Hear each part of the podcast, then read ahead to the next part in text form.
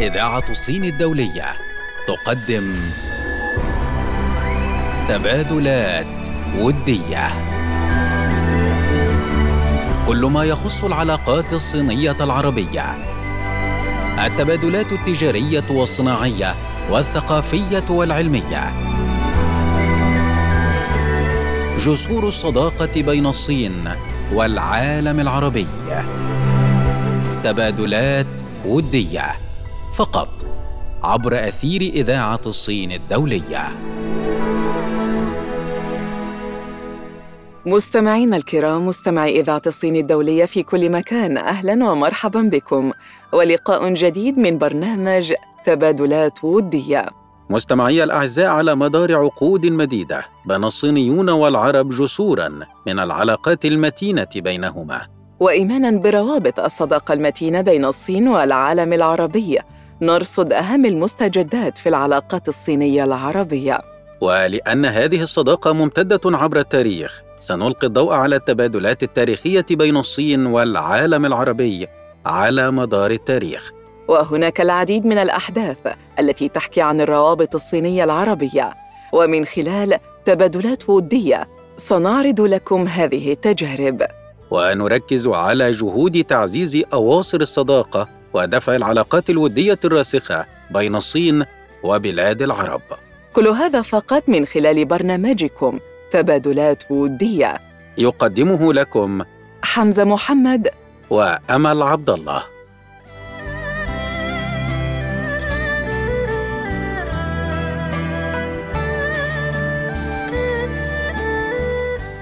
متابعينا الكرام مستمعي إذاعة الصين الدولية في كل أنحاء الوطن العربي أهلا ومرحبا بكم وأولى فقرة برنامجكم تبادلات ودية. وخلال هذه الفقرة نتناول معكم مستمعينا الأعزاء تبادلا وديا هاما بين جمهورية الصين الشعبية والدول العربية في مجال النقل والمواصلات بغض النظر عن تأثيرات جائحة فيروس كورونا الجديد على سوق التصدير. سجلت شركة بونلاك وهي شركة لصناعة حافلة الركاب بمقاطعة جيانغشي في شرقي الصين زيادة في حجم مبيعاتها بنسبة 96% على أساس سنوي في الربع الأول من العام الجاري لتصل إلى 6.75 مليون دولار أمريكي. وقال لي هان نائب مدير عام الشركة إن أعمالنا في سوق دول الشرق الأوسط ساهمت بأكثر من 40% من الإجمالي. وأظهرت نتائج بيانات صادرة عن الهيئة العامة للجمارك الصينية أن الصين صدرت حافلات قيمتها حوالي 120 مليون دولار أمريكي إلى منطقة الشرق الأوسط خلال الربع الأول من العام الجاري، ما يمثل أكثر من ربع إجمالي صادرات الحافلات في الفترة المذكورة، مما يعكس اتجاه شعبية وتنافسية الحافلات الصينية الصنع في سوق المنطقة. وأشار لي إلى أن شركة بونلاك اختارت مسارا خاصا لها حينما دخلت سوق الشرق الأوسط عام 2018 وقررت تركيز محور أعمالها على صناعة الحافلات الفاخرة المخصصة حسب الطلب. وتابع لي قائلا كان اختيارنا لمنطقة الشرق الأوسط صحيحا ومثمرا للغاية وبرغم تأثير فيروس كورونا الكبير على صناعة النقل التقليدية لكننا نصر على فعل ما لا يستطيع الآخرون فعله فعلى الرغم من تعليق الإنتاج واستئنافه بشكل متكرر بسبب مكافحة الجائحة أسعدنا ارتفاع ثقة عملائنا بالشرق الأوسط بعلامتنا التجارية بشكل أكبر. وقد ذكر ليها نائب مدير عام الشركة الصينية بونلاك أن معظم حافلات الشركة التي تباع إلى دول الشرق الأوسط كانت حافلات كبيرة تتسع لحوالي خمسين مقعداً وتتمتع بمساحات تخزين أمتعة كبيرة. وأيضاً تتمتع بغرفة راحة للسائق أو مرحاض مما يمكنها من تلبية احتياجات السفر لمسافات طويلة. ومن أجل التكيف مع الطلبات الخاصة والأجواء الحارة والجافة في المنطقة قامت الشركة بتخصيص تصاميم لتعزيز نظام التبريد كما تعتمد إطارات خاصة لتضاريس المناطق الصحراوية وتجهيز الحافلات بأدوات خاصة مثل الثلاجات وموزعات المياه ومآخذ الشحن وألواح الطعام الصغيرة لتحقيق أقصى قدر من الراحة. وفي نفس الوقت فإن التصميم المفتوح لوجه الحافلة الأمامي يسهل عملية الصيانة واستبدال الأضواء ومحرك المساحات مما يوفر الوقت وتكلفة العمالة لصيانة الحافلة. كما قامت الشركة بتشكيل فرق خدمة محلية في دول الشرق الأوسط لتوصيل الطلب للسوق وتوفير الخدمة والصيانة للعملاء. وقال لي نقلا عن أحد العملاء الموزعين في المنطقة إن المزيد من العلامات التجارية الصينية للسيارات أصبحت تحظى بإقبال واسع في السوق الخاص بالشرق الأوسطي نظرا لتصميمها المتميز ووظائفها الشاملة. فضلا عن سعرها التنافسي وجودتها المضمونة. وأشار بعض العملاء من المنطقة إلى أن العلامات التجارية الصينية للسيارات استفادت بالكامل من مزاياها المحلية لتنسيق الموارد السوقية والعملية اللوجستية مما يوفر ضمانا لتسليم الطلب في الوقت المناسب في ظل الجائحة. بينما تعمل الجهات الحكومية بالمنطقة بنشاط لمساعدة الشركات الصينية في أمور عديدة مثل تعزيز الإنتاج وشراء قطع الغيار وتنسيق موانئ الشحن وفتح ممرات خضراء للطلبات العاجلة. ولم تكن بونلاك الحافلة الصينية الوحيدة فقط التي تتواجد في سوق الشرق الأوسط. حيث تحظى شركات حافلات صينية عديدة بحصة خاصة في سوق المنطقة إذ تتواجد أكثر من عشرين شركة سيارات صينية في سوق الشرق الأوسط بمنتجات مختلفة حتى الآن. وعلى سبيل المثال وقعت شركة يوتونغ من مقاطعة خانان بوسط الصين عقداً مع شركة النقل العام الوطنية القطرية مواصلات لتوفير 1002 مركبة لخدمة كأس العالم قطر 2022 وقال لي إن هذا الإقبال من السوق الشرق أوسطي هو مجرد بداية فنحن نهدف إلى تقديم جودة أعلى وخدمة أفضل لمنطقة الشرق الأوسط وتوسيع حجم السوق في المستقبل. بهذا مستمعي الكرام تنتهي هذه الفقرة. فاصل قصير يعود بعده لكم الزميل حمزة محمد فكونوا معنا.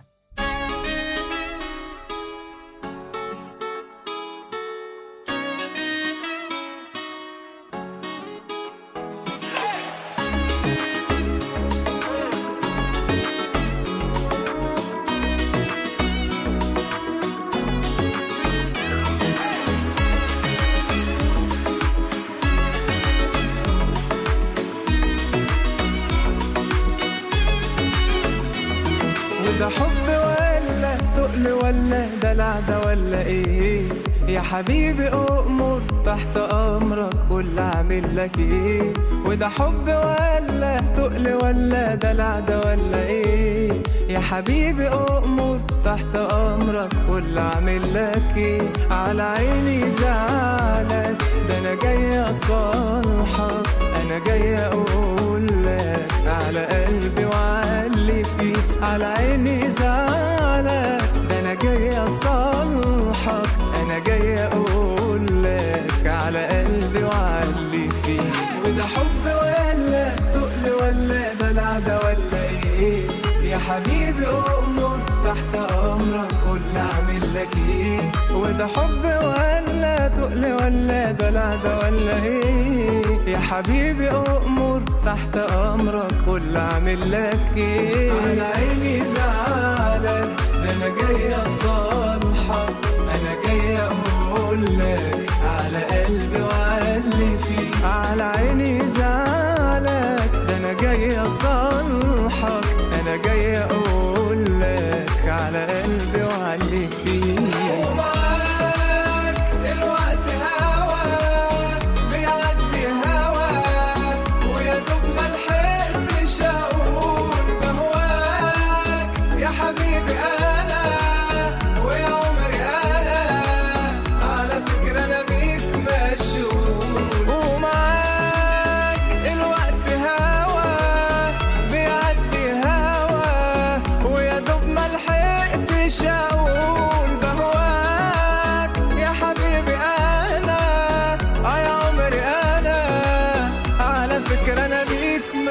Hollywood.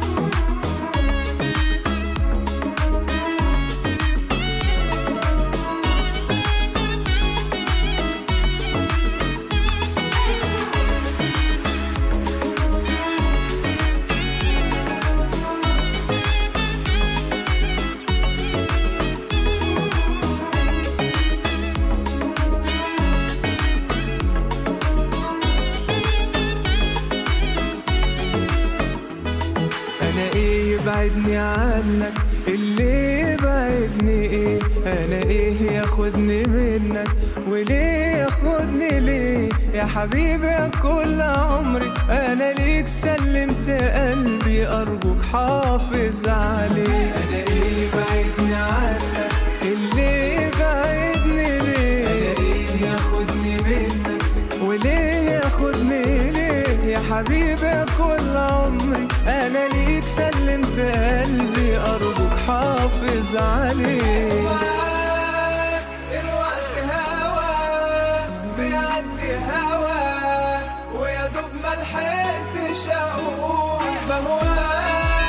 يا حبيبي أنا ويا عمري أنا على فكره أنا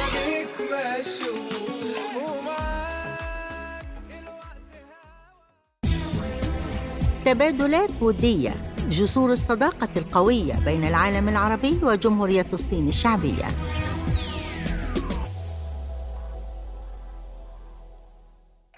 مستمعي الأعزاء مستمعي برنامج تبادلات ودية أهلا بكم.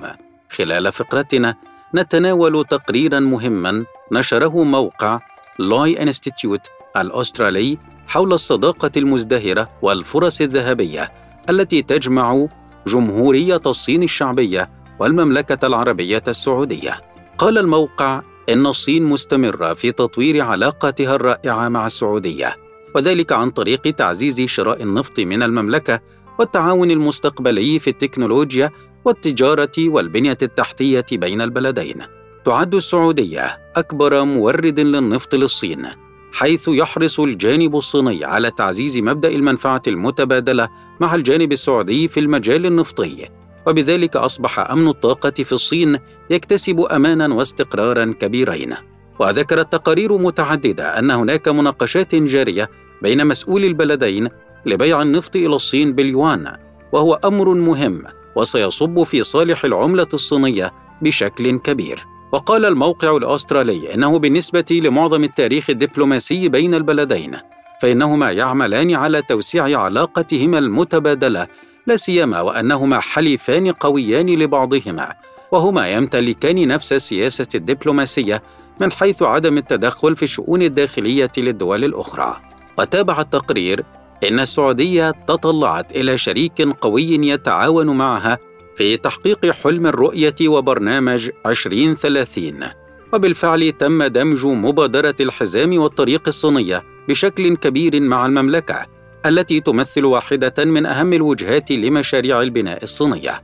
وفي المقابل فإن سعي المملكة لتقليل اعتمادها على النفط وتنويع اقتصادها يتوافق بسهولة مع مبادرة الحزام والطريق.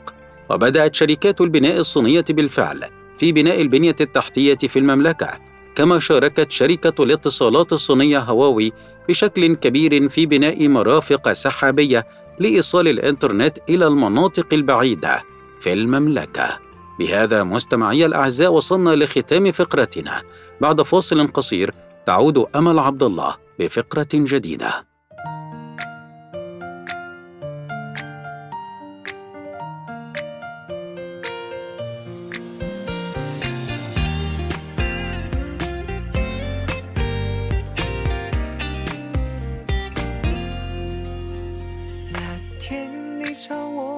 心，阳光下看到你羞涩的表情，并没有太多太多的话语，可我已经意识到这段感情。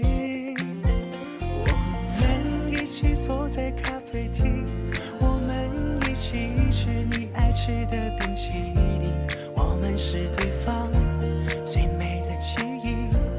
你挽着我的手，在人群里。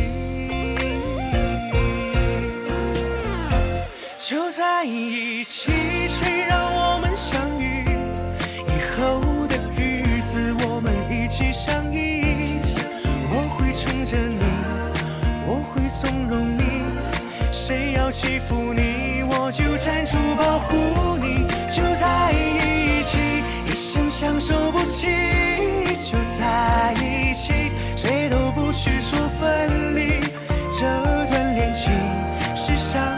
际遇会让我们成为这个世界上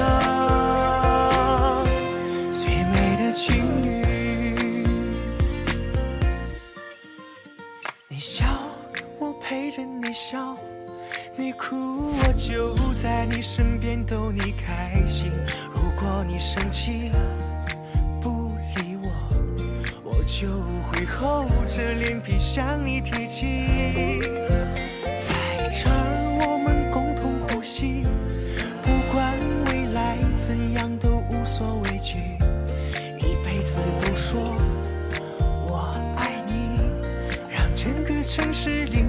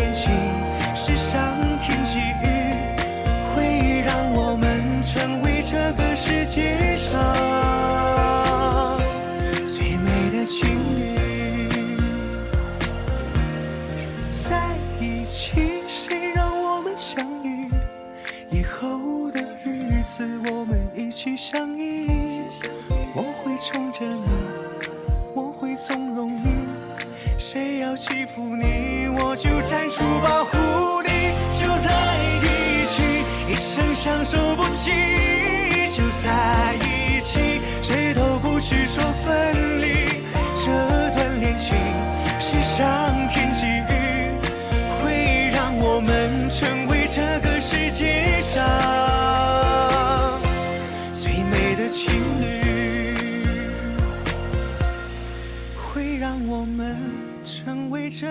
世界上最美的。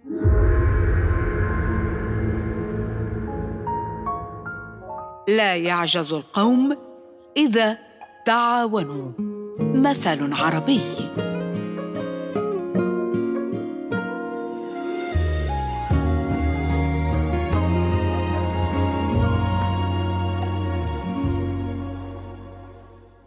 مستمعينا الأعزاء أهلا بكم من جديد وعودة إلى برنامجكم تبادلات ودية الذي يأتيكم عبر أثير إذاعة الصين الدولية. بحكم قوة وترابط العلاقات والتبادلات بين الصين والوطن العربي كان هناك العديد من الأشخاص العرب الذين كانت لهم تجارب مختلفة في جمهورية الصين الشعبية وأيضا العديد من الصينيين الذين كانت لهم تجارب مختلفة في البلاد العربية. اختلفت هذه التجارب الشخصية وتنوعت فمنها الاقتصادية والاجتماعية والفنية والثقافية والفكرية والعلمية ولكن جميعها تدل على الآفاق المفتوحة والعلاقات القوية بين جمهورية الصين الشعبية والوطن العربي بشكل عام. ونحن معكم الآن وفقرة حكايات من الشرق وفيها نتعرف على تجربة الكاتب المصري أيمن القاضي في الصين. يقول أيمن قد تكون كلمتي في وصف تجربتي وانطباعاتي عن الصين بسيطة ومباشرة، لكن هذه البساطة هي أفضل أسلوب تعبير عن تجربة حياة رائعة في دولة عظمى بإنجازاتها وشعبها مثل الصين. فكل التفاصيل التي صادفتها في هذا البلد الجميل أثرت في تعايشي وحياتي خلال فترة عملي ببكين. وشكلت مرادفات جديدة للتعامل مع الآخرين، وتبع قائلاً: اعتمدت الصين على حضارتها وتاريخها وثرواتها المكانية والزمانية والإنسانية لتتقدم إلى مصاف الدول العظمى والأكثر تقدما. وأصبحت التجربة في الصين أحد أهم المحطات الفارقة في حياتي. فخلال ثلاث سنوات فقط قضيتها في الصين استطعت تكوين انطباعات رائعة لن تفارقني عن الصين وأهلها الودودين.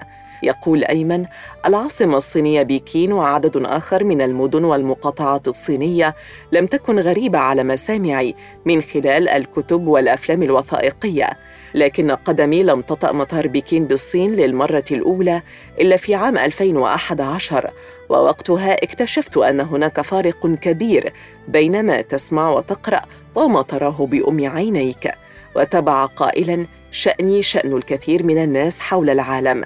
لا يعرف عن الصين سوى الصورة النمطية في وسائل الإعلام والأفلام الغير منصفة، لكن يتلاشى كل تصور غريب بمجرد أن تتجول في شوارع بكين التي تعد أحد عناوين العظمة والانضباط في الصين، فقط عليك أن تتجول في قلب المدينة حتى تتأكد تماما أنك لم تكن تعرف شيئا عن الصين. ويحدث لك رشفة مؤقتة من الصدمة الحضارية والانبهار بكل ما هو قائم ومنظم. شبكة طرق ومواصلات ومعمار شاهق وشوارع منتظمة ومنظمة دائمة العناية والنظافة. يقول أيمن في الصين يمكنك أن ترى مجتمع مختلف الأعراق والطبقات. الجميع في الصين متساو ومنضبط أمام القواعد والقوانين المنظمة للحياة من حركة المرور لحركة الأفراد. النظام المنضبط في الصعود والنزول من وسائل المواصلات كالحافلات العامة أو قطارات المترو. الجميع في الصين يعرف مكانه ومكانته. الكل يعرف دوره. الكل يؤدي عمله بدقة متناهية. وأضاف أيمن بقوله إن الحياة بالعاصمة بكين أشبه بترس صغير في ماكينة الانضباط التي تحكم الجميع وتشكل أحد الماكينات المنتشرة بنفس الدقة وبنفس النظام والأسلوب في المصنع الكبير. المسمى الصين والذي ينشر ماكينة انضباطه كدولة عظمى بقوانينها وسياستها الاقتصادية وتعاملاتها الداخلية والخارجية المنفتحة في كافة مدن ومقاطعات الصين المترامية الأطراف والتي تحتوي قدرة بشرية تفوق المليار والربعمائة مليون مواطن. يقول أيمن ما أجمل أن تمر خلال حياتك بالصين. فيوم واحد بها قد يغير طريقة تفكيرك وحياتك بكل ما فيها من تفاصيل. وستخرج منها وأنت شخص جديد عملي وجاد ومقبل على تحقيق أحلامك بشكل منظم وغاية في الدقة. وتبع بقوله هذا ما حدث معي. قضيت ثلاث سنوات في الصين وعدت وفي بالي دائما رغبة العودة إليها من جديد. وختم أيمن حديثه قائلا أنا أحب الصين كبلد ثان وأتمنى من الجميع زيارتها ليروا ما رأيته بها وما يتطور فيها يوما بعد يوم. فصل قصير مستمعي الكرام يعود بعده لكم الزميل حمزة محمد فكونوا معنا.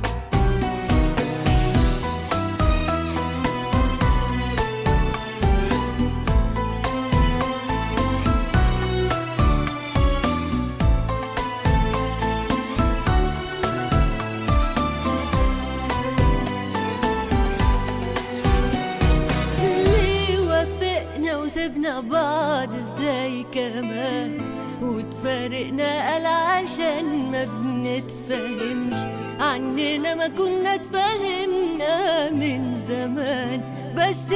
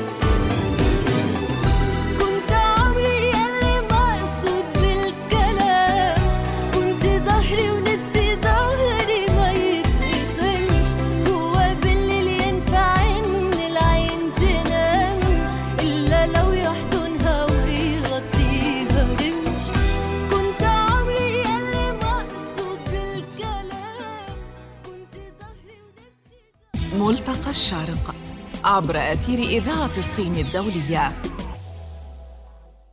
أهلا بكم من جديد مستمعي الكرام في تبادلات ودية. خلال فقرتنا نتابع أهم المبادرات والاتفاقيات التي شكلت جسورا من الصداقة بين الصين ومختلف الدول العربية. هذا جسر متين يربط الصين والبحرين. في عام 2019 افتتحت شركة ويندر نيوز الصينية مقرها الإقليمي في البحرين لتبدأ من حينها في تقديم خدماتها للعملاء في منطقة الخليج والشرق الأوسط. وقد شهد العملاء البحرينيون ما تقدمه الشركة الصينية من خدمات في البحرين في مجالي التجارة الإلكترونية وحلول التكنولوجيا المالية حيث بلغت استثماراتها في بداية الإنشاء حوالي 50 مليون دولار. وخلال ثلاث سنوات فقط وفرت ما يقرب من 500 فرصة عمل في البحرين. ويقع المقر الرئيسي للشركة في مدينة فوزهو بالصين ولها مكاتب في الإمارات والمغرب ومصر والسعودية والعديد من البلدان الأخرى. وقد أفاد العديد من الخبراء البحرينيين أن اتخاذ شركة وندر نيوز من العاصمة البحرينية المنامة مقرا لها تماشى بشكل رائع مع توجه حكومة البحرين في تطوير قطاعي التجارة الإلكترونية وحلول التكنولوجيا المالية. هذا وفر حيزا كبيرا من الاستثمار داخل المملكة نظرا لعوائد هذين القطاعين في دعم النمو والتطور وزيادة الإنتاجية في الاقتصاد البحريني. ومن المعروف أن لشركة واندر نيوز سنوات طويلة من الخبرة في إدارة منتجات الإنترنت في الشرق الأوسط ولديها فريق للبحث والتطوير مؤهل تأهيلا عاليا بالإضافة إلى تكنولوجيا متقدمة. الأمر الذي أسهم في تقديم العديد من التطبيقات المختلفة لأكثر من 100 مليون مستخدم بالمنطقة. وقد أضافت الشركة بوجودها في البحرين جسرا جديدا للصداقة في المجال التكنولوجي. ليس بين الصين والبحرين فقط ولكن مع الشرق الأوسط بشكل عام. بهذا مستمعي الأعزاء وصلنا بكم إلى ختام فقرتنا. وبها أيضا تنتهي حلقتنا في برنامجكم تبادلات ودية. كان معكم في التقديم أمل عبد الله وحمزة محمد. مع تحيات فريق العمل. إعداد ميريهان محمد. نجلاء فتحي. ولي شانغ. رئيس التحرير وسام دراز. هندسة الصوت خالد بهاء الدين. وكان معكم في الإخراج وليد إمام.